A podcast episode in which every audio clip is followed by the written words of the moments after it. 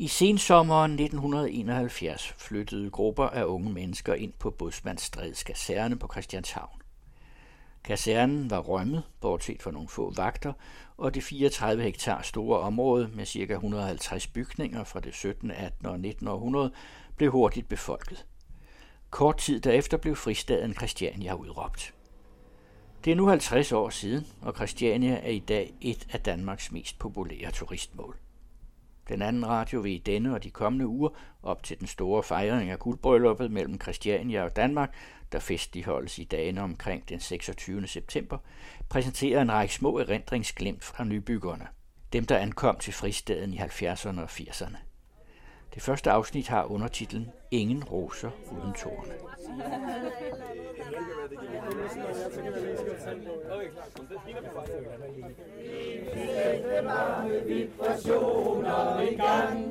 Tænk hvis alle lukkede op for samme gode trang til at leve og elske og holde lidt mere af hinanden. Du skal leve det her er lyden af en aften på min terrasse. Ja, okay. Ikke en hvilken som helst aften. Det er faktisk min 50-års fødselsdag. Ja, jeg er fristaden er født samme år, og har på en måde levet parallelle liv. Vi har i hvert fald oplevet mange af de samme ting, været påvirket af den samme tidsånd og kræfter omkring os, og ikke mindst sunget de samme sange. For eksempel Varme Vibrationer, den sang, man kan høre synge her på terrassen. En af Christianias slagsange. Lige om lidt rejser en af mine venner sig op og holder en spontan hyldestale for Tage Morten, forfatteren og komponisten til sangen. Derefter rejser en anden ældre kristianit sig op og forlænger hyldesten med den mening, at Tage Morten er den største kunstner, Christiania nogensinde har set. Jeg er tilbøjelig til at være halvt enig, havde Tage Morten ikke videt sit liv og sit værk til Christiania, men for eksempel i stedet været rundet af højskolebevægelsen, så tror jeg, at mange, mange flere danskere ville kende, synge og elske hans sange. Og sådan kunne man faktisk nemt tænke om mange andre Christiania-kunstnere og personligheder. Havde de i stedet for at kaste deres energi og udfoldelser herude gjort det et andet sted, ville de måske have nyt berømmelsens sødme. Men nu er de blevet hverdagens og festens helte ude på Christiania, og har måske fået deres kontrafej på vores valuta. Ja, den lille fristad, landsbyen eller reservatet, som nogle af de lokale yndere kalder os, har på en eller anden måde sin helt egen historieskrivning, sine egne kampe og mærkedage. Ja, man kan måske endda sige sin helt egen tid. I hvert fald har fristaden sin egen ordbog, og to ord, der går igen i historierne i denne serie, er måske gode for oversat. Gaden er christianitternes måde at referere til Pussy Street på, og downtown er den del af Christiania tættest på vor frelser kirke, hvor alle værtshusene og spillestederne ligger. Men før jeg kommer for godt i gang med at forklare, så er det her hverken et forsøg på at fortælle Christianias historie, eller at begå kontrafaktisk historieskrivning for den sags skyld. Dette er en lille samling af nogle af christianitternes ankomsthistorier. Historier, som både er meget individuelle, meget tidstypiske, og samtidig med til at give et indtryk af den store sociale mangfoldighed, som endnu kendetegner fristaden. Og lidt i forlængelse af den konstatering. Det er ikke efter ønske fra dem, jeg interviewede, at de ikke introducerer sig selv. Det er min egen idé, at de skulle være anonyme. At det ikke skulle være personlige historier på den måde, men Christianias stemmer. Som et kuriosum kan jeg fortælle, at en af dem, der ankom helt i begyndelsen, fortalte mig, at det ikke var ualmindeligt, at folk dengang i starten kravlede gennem et hul i hegnet, egentlig blot fordi de var nysgerrige, eller måske fordi de havde hørt om en fest. Og når de så ville hjem om aftenen, ja, så kunne de ikke finde tilbage til det hul, de var ankommet igennem, og endte med at overnatte, enten i et tomt hus, eller hos nogle gæstfrie fremmede. Og næste morgen var de måske vågnet med den hensigt at komme hjem, hjem til værelset, lejligheden eller familien, men igen var dagen gået. Vejen ud af Christiania var fyldt med oplevelser og hieroglyffer, og en eller anden dag opdagede, eller erkendte personen måske, at nu var der gået så lang tid, uden at man nogensinde var nået ud af Christiania, at man lige så godt bare kunne blive boende. Sådan nogenlunde skete det faktisk også for mig selv, da jeg uden at vide det flyttede på Christiania for 15 år siden. Men den historie kommer ikke til at høre her. Denne lille serie med Christiania-stemmer er helliget dem, der ankom i 70'erne og 80'erne, dem, der var med til at bygge fristaden op, og som er forældre til mange af dem, der bor her i dag. Denne serie handler altså mest om det at blive kristianit. Ergo begynder alle disse erindringsglimt med indgangsspørgsmålet, hvornår og hvordan ankom du til Christiania første gang? Inden jeg lader dem selv komme til ord, så skylder jeg lige at nævne, at flere af disse interviews er blevet til i juli måned, kort efter at en ung christianit var blevet skudt nede i Pussy Street. Og det præger selvfølgelig både den kollektive psyke, stemningen hos den enkelte, og ikke mindst alles syn på fristadens udfordringer før, nu og fremover. Gaden, Pusher Street, er det store spøgelse i Christianias liv. Men for ikke at give et forvrænget billede af livet herude, så er der også mange perioder, hvor den ikke fylder så meget i det, vi går og snakker om. Der er mange andre dilemmaer, der skal løses. Bare for at perspektivere, for halvandet år siden, før corona, var den store dagsorden, hvordan vi overhovedet kunne overleve som fællesskab i lyset af de stadig voksende horder af udenlandske turister, der dagligt invaderede Christiania. Men sådan er der så meget, og Christiania har mange ansigter og mange historier og mange stemmer, og her er nogle af dem. Jeg kom til Christiania i 1971. Øh, Christiania startede jo der officielt i september, og på det tidspunkt der boede jeg sammen med min kæreste over i en lille lejlighed over i Prinsessegade, øh, hvor vi boede inde med udsigt til tredje baggård. Og der boede vi fire voksne og to store som Bernertshunden og en lille, en lille hund, en lille tæppepisser. I en toværelses korridorlejlighed. Og så var der retirader i gården, det vil sige, der var øh, lokummer i gården. Og der skulle man lige sparke på døren, inden man gik ind, sådan, så man kunne få rotterne til lige at smutte hen, hvor de, hvor, hvor de skulle smutte hen. Der. Øh, så der boede vi over mig og Kasten hos nogle venner. Og så, øh, så var vi jo med i hele den der, eller fulgt med i hele den der proces med, med Fisker Kim og Store Kim øh, og Ludvigsen, der gik ind, og, og Victor Esmand, som gik ind og befriede øh, staden. Men vi havde det sådan lidt, ah, tør vi, tør vi flytte over? Vi venter skulle lige og se, hvad der sker. Så vi venter faktisk til, jeg tror, det er midt i oktober, eller sidst i oktober, og så tager vi støvlerne på og går over på den anden side af gaden og, og, og kigger på, hvor vil vi gerne bo. Og så startede vi nede ved Mælkebøtten. I starten var det sådan, at, at, man, øh, at der, når man havde fundet sig en bolig, så skrev man optaget på døren, eller og man gik ud og købte sig en øh, hængelås øh, og satte den på, og man kunne også skrive optaget af, og så de navne på, hvem det var, eller sådan noget. Men eftersom der var jo mange, der havde været forbi et sted i de første dage, de første uger, så kunne man ikke altid øh, regne med, at det var dem, der boede der, der boede på døren, eller sådan noget. Nå, så vi fandt en, et dejligt sted nede i, øh, i Mælkebøtten, i Toren, tror jeg det var, hvorpå at øh, vi meget klart og tydeligt fik at vide, at der var vi ikke velsete, fordi det sted var besat. Nå. Så fandt vi et, et, et, øh, et lille selvstændigt hus, Øhm, og så, det kunne vi da også godt bo i, øhm, og det fik vi også meget klart og tydeligt at vide, at det var også besat. For det, det, det, der var lidt sjovt, det var, at borgerskabet, det bedre borgerskabsbørn, de søgte mod mælkebønnen. Mm. Så, så de var ligesom, de havde været meget hurtigt ude, og måske kendte nogle af dem hinanden i forvejen, det ved jeg ikke. Det kan jo godt have kommet fra nogle af de samme miljøer eller sådan noget, det ved jeg altså ikke. Mm. Nå, men i hvert fald så endte det sådan med, at min kæreste og mig, vi endte op i Fredensak på første sal. Men der var petroleumsovn, der virkede, så det var jo fine sager. Øh, og det var en rigtig hyggelig lille lejlighed. Og det her, det er vinteren 1971? Ja, 72. altså vi, vi starter, det, det er, jeg tror det er oktober 71, ja. Mm. Øhm, havde I været en del af et miljø, der er din kæreste? Altså havde I været nede på Sofiegården? Eller, I må have været meget unge. Vi var på, jamen, vi var meget, jeg var meget ung. Min kæreste var meget ældre end mig. Jeg var meget ung. Meget ung og meget naiv. Og jeg vidste ikke, hvad der var op og ned på en hammer. Det lærte jeg jo så, det var ikke så godt ikke, at, at kunne bygge, fordi det var jo ligesom noget, der var, der var påkrævet. Nej, vi havde, altså, jeg er opvokset, født og opvokset på Frederiksberg. Og Frederiksberg havde det sådan, i, jeg, jeg er fra 50'erne, at man kunne sgu ikke lide børn. Altså børn var jaget vildt. Det var tilladt for alle ældre, sure mennesker, der havde lyst til at chikanere børn. De måtte gerne. Så, så, så vi var sådan en, en uønsket race, mm. og der, dengang på Frederiksberg, der var ikke noget, der hed børnehave, eller fritidsaktiviteter, eller klubber, eller noget, at børn, det passede, moren gik hjemme, og så passede hun sine børn, og så var det sådan.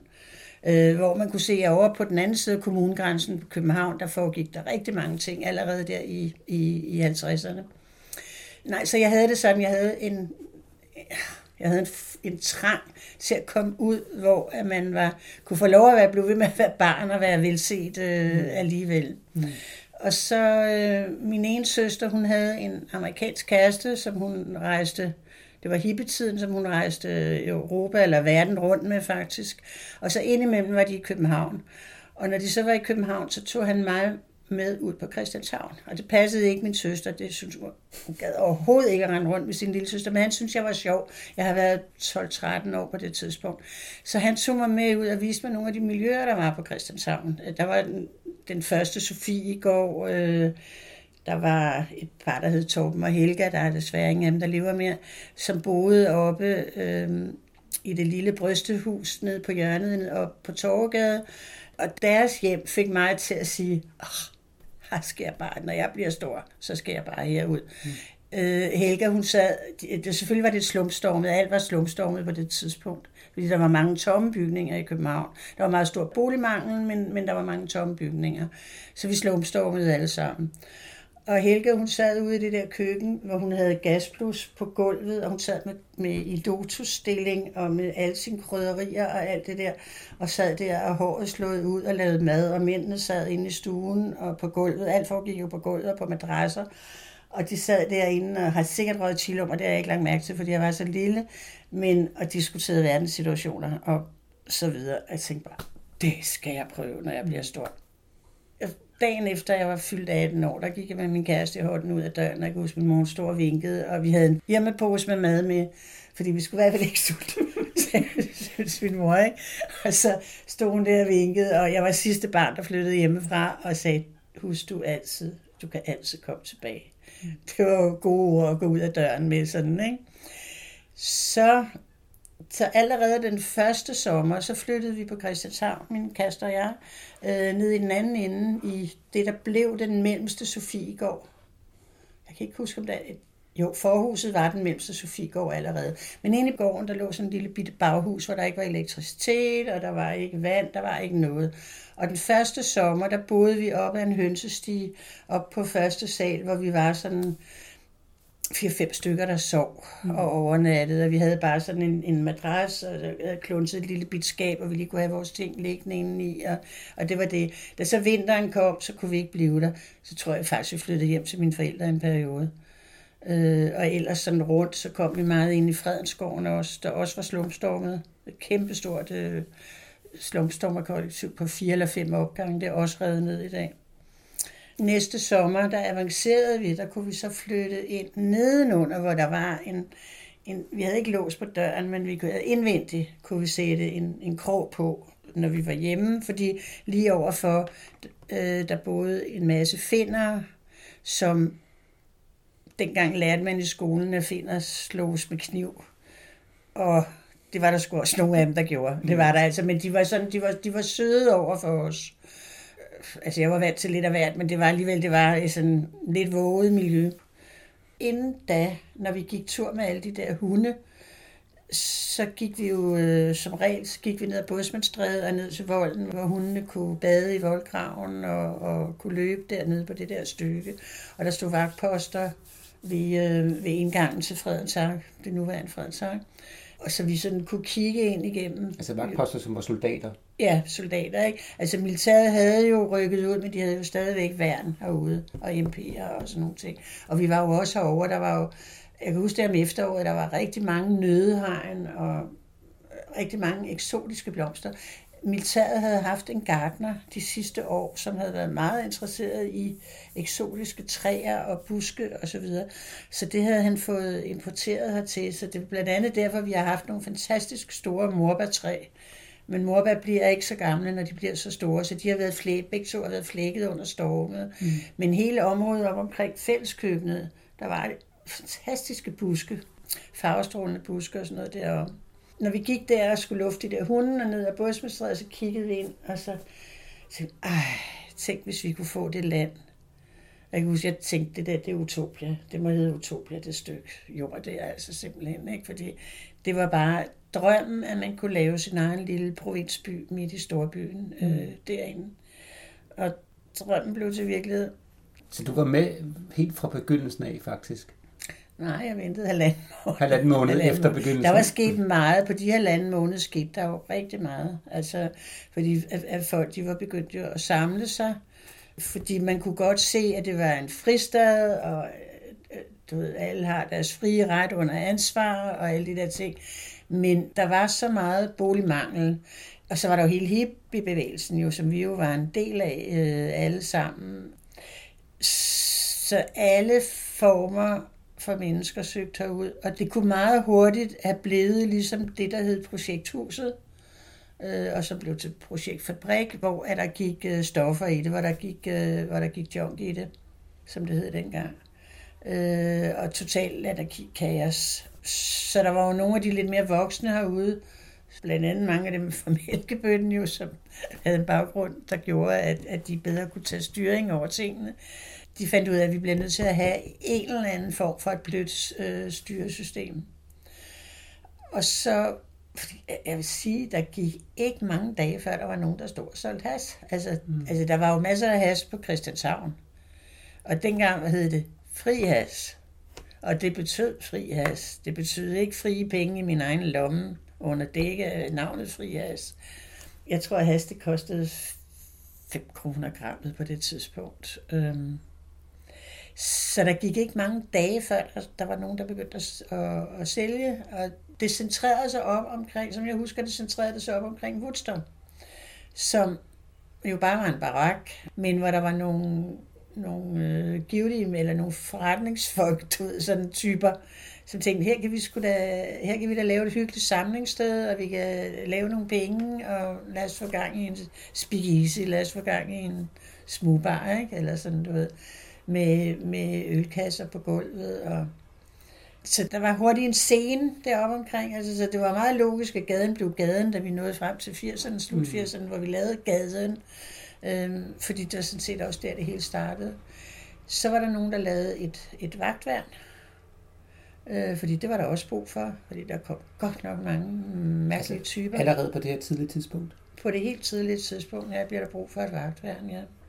Jeg kan faktisk kun huske Ville Greger for det vagtværn. Måske også Benny fra Loppen.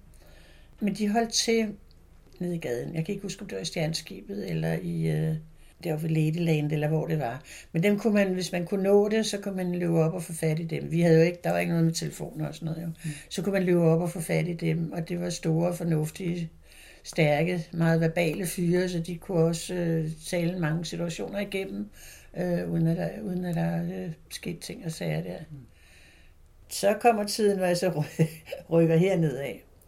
Øh, og har boet forskellige steder, og jeg har også været op forbi Løvehuset og så videre. Så er der jo, der bliver tid til at være med til de der, synes jeg. Øh, jeg var også blevet ældre, jeg var meget, altså, jeg var meget ung, da jeg kom. Jeg var, hvad var 19, tror jeg, ikke? Kom dine forældre og besøgte dig Ja, altså, det gjorde de. Min mor, hun... Øh, altså, jeg vil sige, det hjalp, øh, da de fik deres barnebarn. Øh, mit barn, ikke? Der boede jeg i Løvehuset på det tidspunkt. Så synes min mor, det var meget interessant. Hun tog gas vist sine handsker på, når hun gik på trappen, fordi man vidste aldrig lige, hvad man rørte. Det, I disse coronatider kan man sige, hun har været fremtidsscene, eller sådan, du ved, men vi grinede jo af hende, du ved, ikke? Og min far, han synes jo, det var vidunderligt, fordi at det var, han havde altid sagt, vi var tre piger, og han havde altid sagt til os, gift jer godt, og så, øh, så købte sted op i Sverige. Der er så mange land. På det tidspunkt var der mange landsbyer i Sverige, der var faktisk var til salg, fordi de var uddøde. Folk var rejst til byerne og sådan noget. Mm. Øh, og det der med begreb med danskere og ydegård, det var ikke rigtig opstået endnu. Så sagde han, gift jeg med en rig mand, og så, øh, så lader jeg ham købe et ordentligt sted i Sverige, en landsby i Sverige, så skal jeg bare have porten og boligen. Så for ham var det jo hans drøm, der gik i opfyldelse, da jeg flyttede herud. Og da min ene søster også flyttede herud, altså der kunne han jo næsten ikke være i skoene, men der var han altså, der var noget at prale med, synes han, han synes, det var så lækkert øh, herude. Jeg er jo en af dem, der har brugt hele mit liv, min ungdom, og lige vil sige min barndom, min ungdom og voksendom og alderdom nu, ikke? på det her sted, og har altid været øh, patriotisk, kritisk, men patriotisk, og synes, at det har været sjovt. Altså, det må, ting må gerne være sjove. Det har godt nok været meget alvor også, men, men, men gennemgående har det været sjovt, og har det været sprudlende, og, og, og de der muligheder, man havde. Altså, havde du en idé? Havde du en plan? Havde du nogle venner til lige at bakke dig op i starten? Wow, så kan man bare få, få, få tingene på banen og, og få, det, få, få det gjort. Du har arbejdet med socialarbejde på Christiania, og sådan som jeg oplever Christiania, så er det jo en magnet for hjemløse og psykisk syge og folk, som har nogle krøllede hjerner, som ikke bor her, men som lever her på en eller anden sjov måde alligevel. Mm. Altså det tegner rigtig meget den energi, der er på Christiania, at vi faktisk ligesom er et slags herberg. Er, er du enig i det? Jeg vil ikke kalde os et herberg. Men, men ja, altså vi har jo altid sagt, at vi var åbne, og der var plads. Men dermed ikke sagt, at det ikke har været problematisk øh, mange gange. I gamle dage med, omkring psykiatrien, der var det jo tit sådan, at folk blev lukket ud i sæsoner. Jeg ved ikke hvorfor. Men altså, det var ligesom om til foråret, så lukkede man ud, så man kunne få nogle friske psykoser ind. Eller, øhm, og så var der et hold, der blev lukket ud. Og dengang blev de jo også bare lukket ud til gaden. Hvor skulle de gå hen?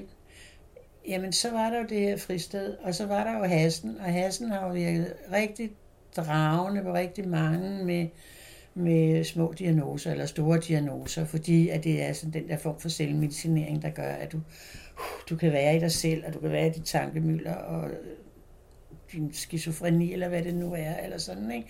Så rigtig mange søgte herud. Jeg har arbejdet på øh, vores beboerrådgivning herfra videre de sidste øh, var det ni år af mit arbejdsliv.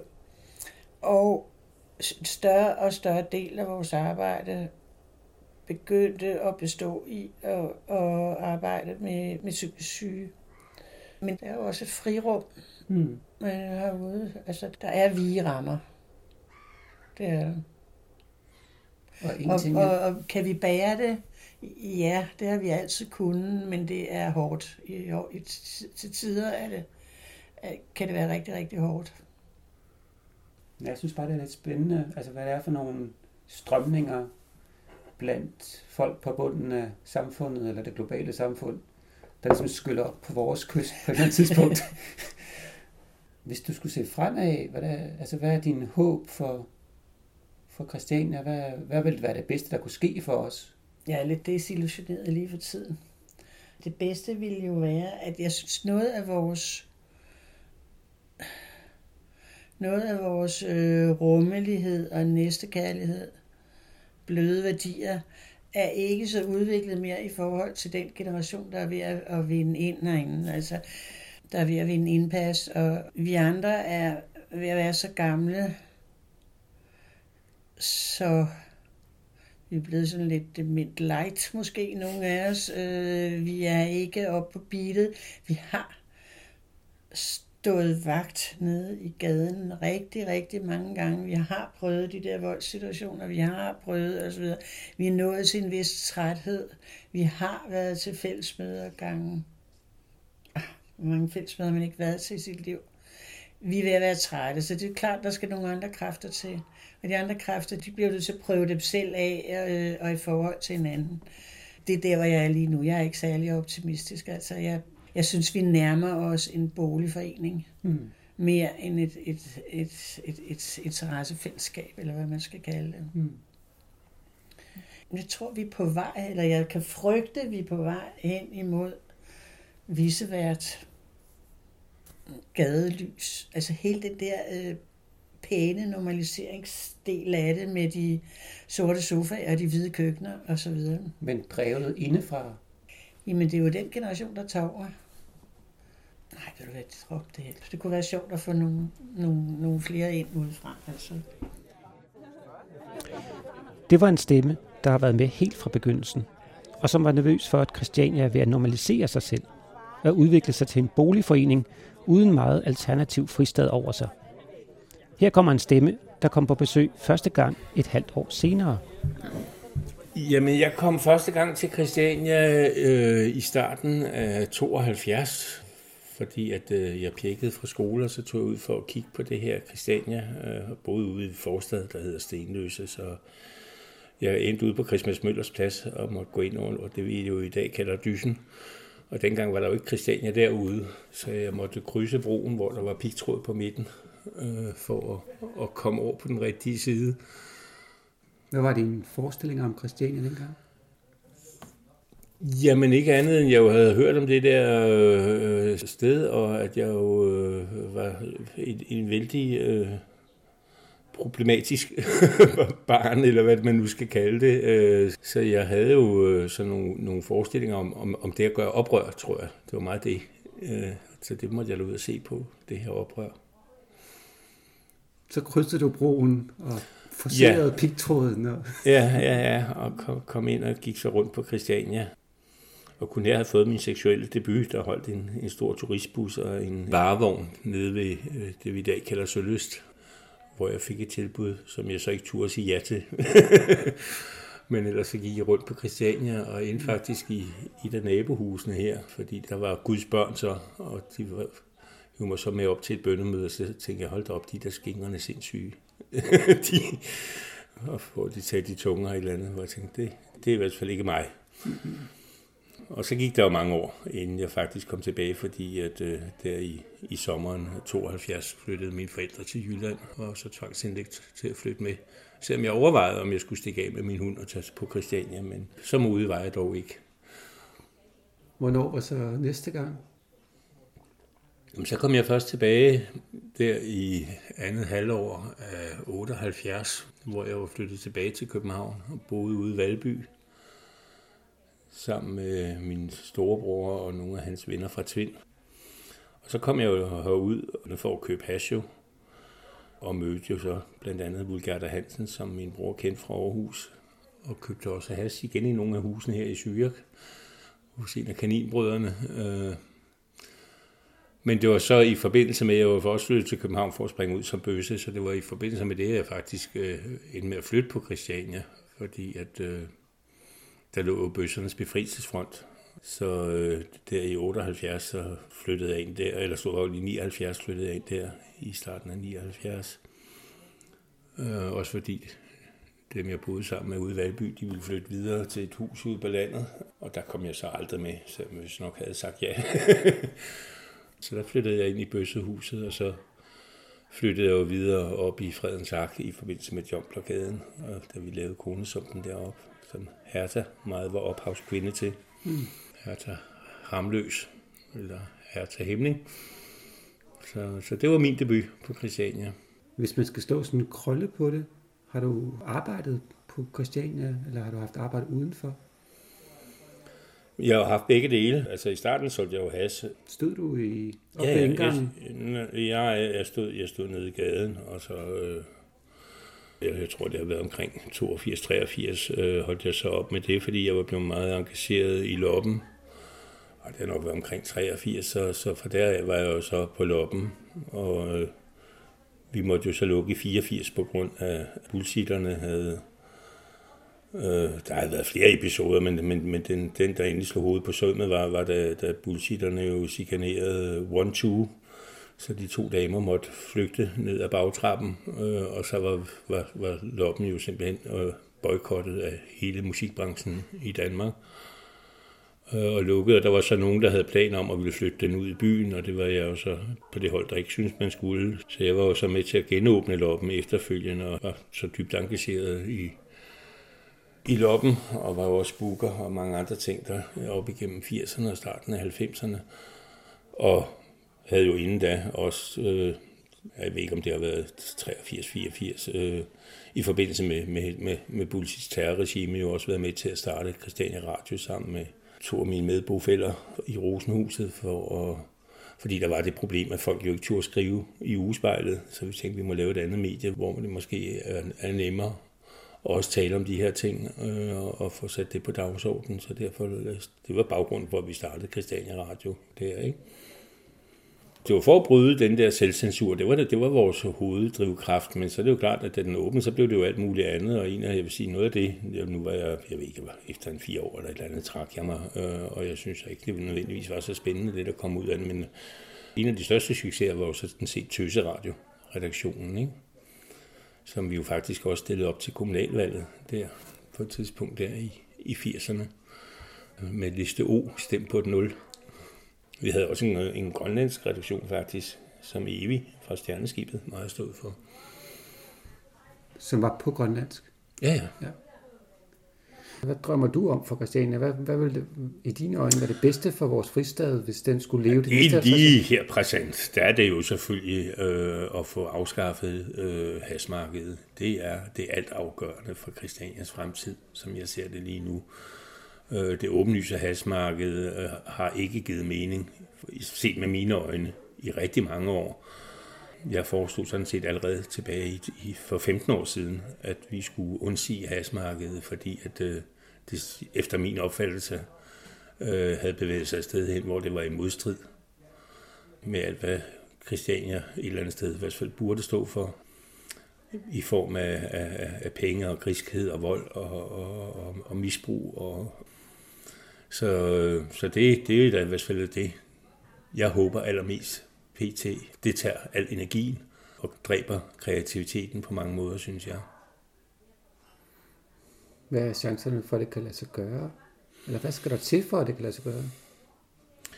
Der skal jo det til, at, at vi kan blive øh, enige om det i, med, med relativt stor majoritet, og det er måske nok lidt optimistisk, men på den anden side er det da også min opfattelse, at rigtig mange, også med tilknytning til gaden, godt kan se, at det kan ikke fortsætte, som det er i dag.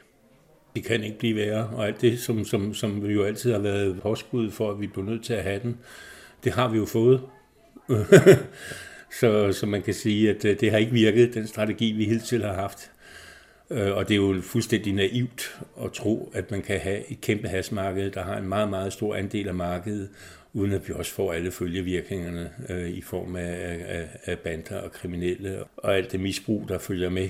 Altså, folk bliver jo øh, påvirket af, af det liv, som følger med øh, sådan en tilværelse i gaden, både i form af, af paranoia i forhold til politiet, paranoia i forhold til bagmændene, paranoia i forhold til hvad som helst, og så må man jo kompensere. Og det kan man jo gøre med stoffer og ludomani og med alt muligt andet, eller øh, overforbrug af den ene eller den anden slags. Øh, det er ganske simpelt usundt, og derfor har vi ikke noget valg som jeg ser det, end at undsige hasmarkedet. Og jeg håber meget, at vi kan gøre det med stor enighed, og kan vi ikke gøre det med stor enighed, jamen så tænker jeg, at os, der ikke kan stå inden for det, bliver nødt til at tale højt. Vi må lade være med at selvcensurere os selv, og så må vi jo både internt i Christiania og udadtil sige, at vi kan ikke stå inden for det her. Det var en stemme, der kom til Christiania i 1978. Og tiden lige før og under den store junkblokade i november 1979 var en tid, hvor der var stor udskiftning på Christiania. Lidt populært sagt var der mange af dem fra Mælkebøtten, som flyttede og mange nye stærke kræfter, der kom til, da Christiania smed junkierne ud. Hvilket også gav mange ledige boliger. Så mange, at man faktisk oprettede et boliganvisningskontor. Det fortæller den næste stemme om. Vi taler sammen i en have tæt ved hovedindgangen, hvilket også giver lytterne et indtryk af lydbilledet, man lever med, hvis man bor downtown Christiania. Hun svarer her på, hvornår hun første gang kom til Christiania. Det var i slut 70'erne, hvor jeg så var til noget koncert øh, op i Multihuset. Det kan jeg huske. Jeg også var til nogle af de her solvognsbegivenheder nede i den grå al i slut 70'erne. Så det var sådan et sted, man kom, eller jeg i hvert fald besøgte. Jeg boede oppe i Hørsholm. Og øh, mit kendskab til Christiania var jo ikke så voldsomt dybt, men det var jo noget med, at det var stedet, det var der, man som ung, øh, det var det, man så, så op til, Og nogen, der ville noget andet, en anden måde at gøre tingene på, end det gængse. Så øh, da jeg i 1979 startede på den sociale højskole for at læse til socialrådgiver sammen med nogle, øh, nogle af de andre, der kom vi i en gruppe, og en dag så sad vi så og fandt ud af, at vi kunne da egentlig godt tænke os at bo på Christiania. Vi havde jo en, øh, en god og velfungerende gruppe, øh, som skulle igennem det her studie sammen, så hvorfor ikke også øh, flytte sammen? Og det kunne vi jo passende gøre på Christiania. Så vi tog herud en øh, kold efterårsdag, kan jeg huske, det regnede, og vi endte op i Fredens Ark hos en eller anden sød langhåret fyr, som serverede urtete. Og vi sagde, at vi vil gerne bo på Christiania. Jeg sagde, nå, jamen, øh, I kunne måske prøve at gå over i Karlsvognen. Fordi øh, der havde der jo lige været jobblokade. Og junkierne, dem der ikke ville på nedtrapning og komme tilbage til Christiania som stoffri, øh, de var blevet smidt ud. Så nu var der lavet det, der hed room service. Og den blev administreret op fra Karlsvognen, som jo dengang var et øh, meget velfungerende kollektiv. Jamen, så gik vi i Karlsvognen, og der mødte vi blandt andet Lula Forkammer, husker jeg tydeligt, og Lars Stivad, og nogle af dem, der boede der, og de, jamen, vi kunne da sagtens komme på, hvem vi var. Ja, vi var jo nogle unge studerende, og jeg havde jo mand, og, eller i hvert fald kæreste, og et par børn. Han havde et, og jeg havde et op i Hørsholm, men de andre kom jo også fra, fra deres. Men vi blev skrevet op, og så en dag, så kan jeg huske, så fik jeg en opringning. Nu var der et hus ledigt på Christiania. Nå, siger vi så. Og det var det her hus, Rosenhuset. Ja, vel ja. Og vi tog jo fro herud, også fem piger, og tre af os besluttede os så for, at øh, vi skulle flytte ind med vores familie. Og det gjorde vi. Hold nu op. Og det var jo først senere, det gik op for os, hvorfor det var, at det var os, der var blevet tilbudt det. Hvorfor der ikke var nogen andre kristianitter, der ville flytte ind i Rosenhuset. Og det ville de ikke, fordi at der havde huseret en, der hed Profitknud, som var en voldspsykopat af rang. Øh, og det var endt med, at han havde forskanset sig i det her hus med en håndgranat. Og så kom hele fællesskabet efter at have holdt fællesmøde og blevet enige om, at den gik altså ikke længere, med en kæmpe bulldozer. Og bulldozede ind i, i Rosenhuset, øh, fordi de var bange for, at han skulle kaste og altså myrde dem, eller skyde på dem, eller et eller andet. Og han overgav sig så og flyttede ud. Men de var simpelthen så bange for, at øh, han ville komme tilbage, så var der ingen, der tog at bo der. og der var tre af os uh, unge, naive, uh, uh, hvad hedder det, velmenende uh, kvinder flyttet ind der med vores små børn. Og uh, i lang tid, så det hoveddøren var der jo slet ikke, fordi den var jo nede Uh, så når, de, når der var nogen, der sådan uh, skulle have fat i os, så måtte de kaste nogle sten på ruden. Og så blev vi pisse bange. Fordi Gud vil tænke nu, hvis det var ham, ikke? Fordi vi fik jo efterhånden de her historier. Og det er blandt andet derfor, der over den der indgang til elrummet i, øh, i Rosenhuset står ingen roser uden torne.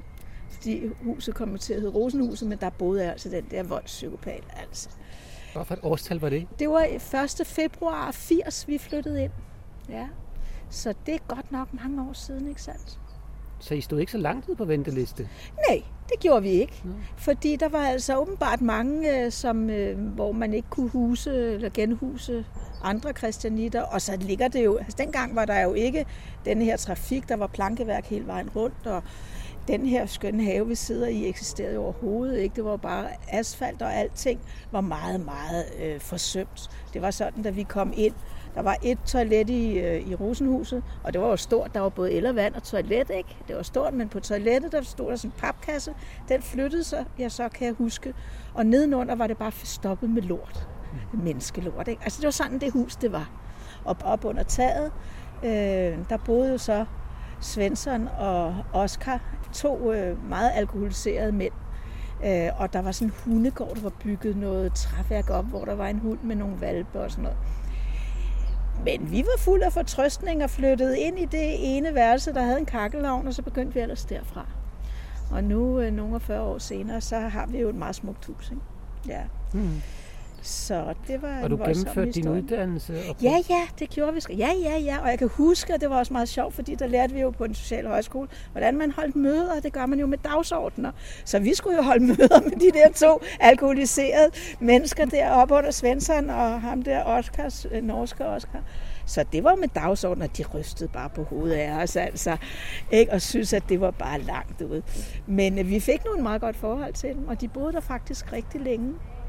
Så øh, jo, jo, jeg blev skam socialrådgiver, og jeg kan huske, at vi over i Karlsvognen, da vi øh, blev skrevet op på den der room service liste, blev spurgt om, øh, hvis det nu var, vi fik noget, hvordan vi så ville bidrage til Christiania-samfundet, hvor vi ville øh, kaste vores energier. Så vi var jo meget optaget af at komme ud og så lægge noget, øh, noget arbejde herude. Og det gjorde vi øh, flere af os. Det var Nina og Jana og jeg, der endte med at flytte herud. Og vi arbejdede på loppen, øh, og det var jo natarbejde, og vi arbejdede i Suppedasen, som var kirkens kors her der, og vi var med til at starte radio og herfra og videre, og så øh, blev områdekasser. Så det har altid været sådan en del af, i hvert fald mit DNA, at hvis man er her, så skal man bidrage med noget, fordi det er ligesom ens, hvad kan man sige, ens legitimitet. Ikke at man altid skal det, fordi man skal jo også passe lidt på sig selv og sørge for at føde nogle børn, der ikke går for lud og koldt vand og have et arbejde og sådan noget. Men man skal i hvert fald i perioder bidrage med et eller andet, synes jeg. Synes jeg er en god sådan grundsten. Ja. Nu ved jeg ikke, hvor mange børn du har, men... Nej, jeg har to. Ja. Og Anja var tre år, da vi flyttede herud, og Alexander har jeg så fået 16 år senere ikke? med Peter. Mm. Øh, og han har så boet her hele sit liv. Anja flyttede ud, da hun var en 18-19 år, tror jeg. Og så kom hun tilbage, da hun var et par 20 sammen med sin kæreste, og de boede der på toppen af Rosenhuset og fik to børn. Og vi har været øh, familiekollektiv i alle de mange år, i 10 år, tror jeg, at de boede her. Og så blev det for meget med al den ballade omkring Christianias fremtid, og der var politi og gadekampe og tårgas, og man vidste ikke, om man var købt eller solgt. Det var lige der, inden aftalen blev underskrevet, at de så flyttede, også fordi de kunne ikke, de kunne ikke klare alarmen. De kunne ikke klare alle de idioter, alle de brianer, som Frans kaldte min, min datters mand. Så de købte et hus og flyttede derud nu. Og nu har vi jo så fået Ronja ind, og en lille ny øh, barnebarn. Så nu er det to familiers hus. Så det lyder som om, at dine børn har været glade for at vokse op på Christiania. Øhm, hvis man spørger Anja, så vil hun sige, at hun har lært utrolig meget af at, at være her. Men kan du huske dengang, der kom den udsendelse omkring voksensvigt på Christiania? Hun kunne godt genkende det. Hun så for eksempel ikke Heinrich, som var den her meget alkoholiserede, meget farverige person, der huserede herunder. Hun synes ikke, han var spor hyggelig. Hun var bange for ham. Og hun var bange for de store hunde. Og hun synes, øh, at hun kunne genkende mange af de der nervøse ting, som, øh, som der blev beskrevet i den film. Men hun fik øh, lært rigtig meget om sig selv og om at klare sig selv også. Øh, fordi hun var jo altid med til, altså på loppen, øh, når vi gik og gjorde rent eller bookede, eller hun var med ud at spise, eller hele verden rundt, fordi hendes mor skulle opleve hvad som helst og sov under bordene og sådan noget. Ikke? Så hun har haft, vil jeg sige, sådan en, en barndom, der ikke har været helt gængs. Det har Alexander derimod. Der var det sådan noget med sommerhus og faste sengetider og sådan noget. Der var jo blevet det nummer ældre. Øh, men øh, Alexander har aldrig været bange for at være her, men det var Anja i de der år. Mm. Det var hun. Men hun besluttede sig alligevel for at prøve at være forældre herude selv. Ja, det var fint. Så helt altså, slemt har det altså ikke Nej, nej, hun- altså det er bare, som hun har fortalt efterfølgende, at hun faktisk godt kunne genkende noget af det, mm. der blev sagt i den udsendelse. Ja. Ja. Altså jeg synes jo, det var meget trygt at have børn her. Fordi øh, bortset fra de store hunde, som jo ikke var specielt glupske, hvis man undtog dem, der huserede ned i gaden, så var, synes jeg, at det var trygt at øh, lade mine børn være her, fordi de var sammen, og de passede på hinanden, og de voksne passede på dem. Altså, jeg synes, det var fint. Det må jeg sige. Det har jeg også syntes med Alexander. Jeg har ikke været bange på hans vegne overhovedet. Har du nogen drømme eller ønsker om de næste 50 år? Altså, Ja, jeg har en stor drøm om, at øh, vores børn ikke skal vokse op med det hasmarked, som vi har, som vi har nu. Det synes jeg er en, øh, en kæmpe drøm, fordi de er så udsatte. Øh, og det har jeg jo kunnet se i alle de år, jeg har været her. Hvordan det er eksploderet mere og mere i, i de forkerte retninger. Blevet alt for stort og blevet alt for organiseret og blevet alt for farligt. Og hvordan det har stoppet børns øh, uddannelse og øh, hvordan det har stoppet deres øh, indtog på det almindelige arbejdsmarked og hvordan øh, det ændrer deres personligheder. Og jeg synes, at det er en kæmpe øh, fare i Christiania, som vi, som vi har der. Så det drømmer jeg virkelig om, at vi kan få noget andet til at vokse og gro i stedet for det. Det drømmer jeg om, ja. altså, så, For vores børns skyld, ja. ja. Det er mit fødselsdagsønske. Nu er det nogle andres tur, sådan tænker jeg om det. Ja. nogle andres tur? Ja, til at bære hele det her hassalg, altså Nå, du mener organiseret. uden for Christiania? uden for, Ja. uden for Christiania. Det må, må et andet sted hen. Og jeg håber jo inderligt på en legalisering. Fordi øh, jeg opfatter jo stadigvæk has som et, et forholdsvis uskadeligt rusmiddel. Selvom vi har jo set mange, som øh, har haft det svært med det. Men øh, det, det opfatter jeg det som. Så en legalisering skal der selvfølgelig til, og det ved jeg kommer på et tidspunkt. Men øh, det kan godt gå mange år, og vi kan lægge mange børn til. Og det er mit ønske, at børnene kan vokse op, uden at, at kunne kigge ind i en fremtid nede i gaden. Det er det virkelig. Et dybfølt ønske. Jeg har set så mange gå til i det. Synes du, det var en god aftale, vi indgik i 2011? Jeg har altid synes at det var en øh, rigtig god struktur, men en alt for dyr aftale. Jeg har altid været bange for økonomien i den. Og jeg har altid kæmpet for, at øh, også i den tid, jeg sidder i fondsbestyrelsen, de der ni år, at vi skulle købe resten af Christiania, for det er alt for dyrt. Vi har slet, slet ikke råd til det. Hvis vi skal leve alternativt herude, så er økonomien Øh, det allervigtigste parameter, der skal holdes i skak, fordi ellers så bliver det ligesom udenfor, at vi skal halse efter og kunne tjene penge nok til at betale vores brugsleje, fordi udgifterne er kolossale. Så, øh, så det var en god aftale, hvad kan man sige, sådan øh, øh, strukturelt. Altså fondsdannelsen er jo udmærket. Det synes jeg virkelig. Og jeg synes også, at opbygningen er udmærket, og vores gode venner ude i byen, der hjælper os fantastisk. Men økonomisk er det en lortaftale. Og det bliver værre og værre, fordi lejen stiger og stiger. Så vi skal have købt der, hvor du bor. det skal vi. Det er bydende nødvendigt. Ja, Det er også et stort ønske på Det- fødselsdagen, ja at vi får lov til. selvfølgelig. selvfølgelig. Ja, Måske hænger de to ting i virkeligheden sammen. det kunne være. Ja. At afvikle hasmarkedet og få lov til at købe. Ja, det, øh, det tror jeg ikke, det gør. Fordi i al den tid, jeg har siddet der, så har jeg lyttet til, at hvis vi bare fik cykelstien igennem Christiania, ikke også? Eller hvis vi bare fik øh, fjernet de der øh, påbud, som der var, og vi, hele tiden, hvis vi bare rettede ind, rettede ind, rettede ind, så kunne vi få lov at købe. Og nu hedder det noget med hasmarked, og det kan simpelthen ikke passe. Fordi at vi har hele tiden fra fondens side sagt, det er ude af Christianias kontrol. Og det er det jo også. Vi kan jo ikke gøre noget ved det der. Vi kan kun gå ud og sige, vi vil ikke, ikke i mit navn, vi vil ikke acceptere det, vi vil ikke have noget med det at gøre længere, vi undsiger os det, men vi kan jo ikke lukke det. Det er jo kæmpe markedskræfter. Det er jo fuldstændig umuligt for en menige kristianit. at stille det som en betingelse for at købe noget som helst. Det vil simpelthen ikke være med til. Det er helt fejlslagen politik. Ja. Men vi kan selvfølgelig undsige os det, hvis det er det, der skal til. Gerne Ja. undsiger mig det hermed. Det var tre stemmer, der oplevede Christiania i 1970'erne. I næste udsendelse bevæger vi os med diverse svinkeærner ind i 80'erne. Er der mennesker, som lever med drømmen? Er der mennesker, som følger med strømmen? Er der mennesker med nye idéer? Er der mennesker, som ingenting ser?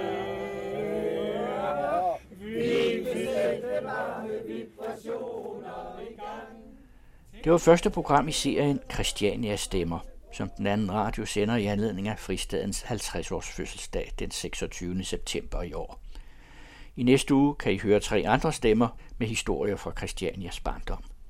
På hjemmesiden kan I følge links til andre vinkler på, hvem og hvad Christiania er. Indslaget af serien er tilrettelagt af Rasmus Blæde Larsen.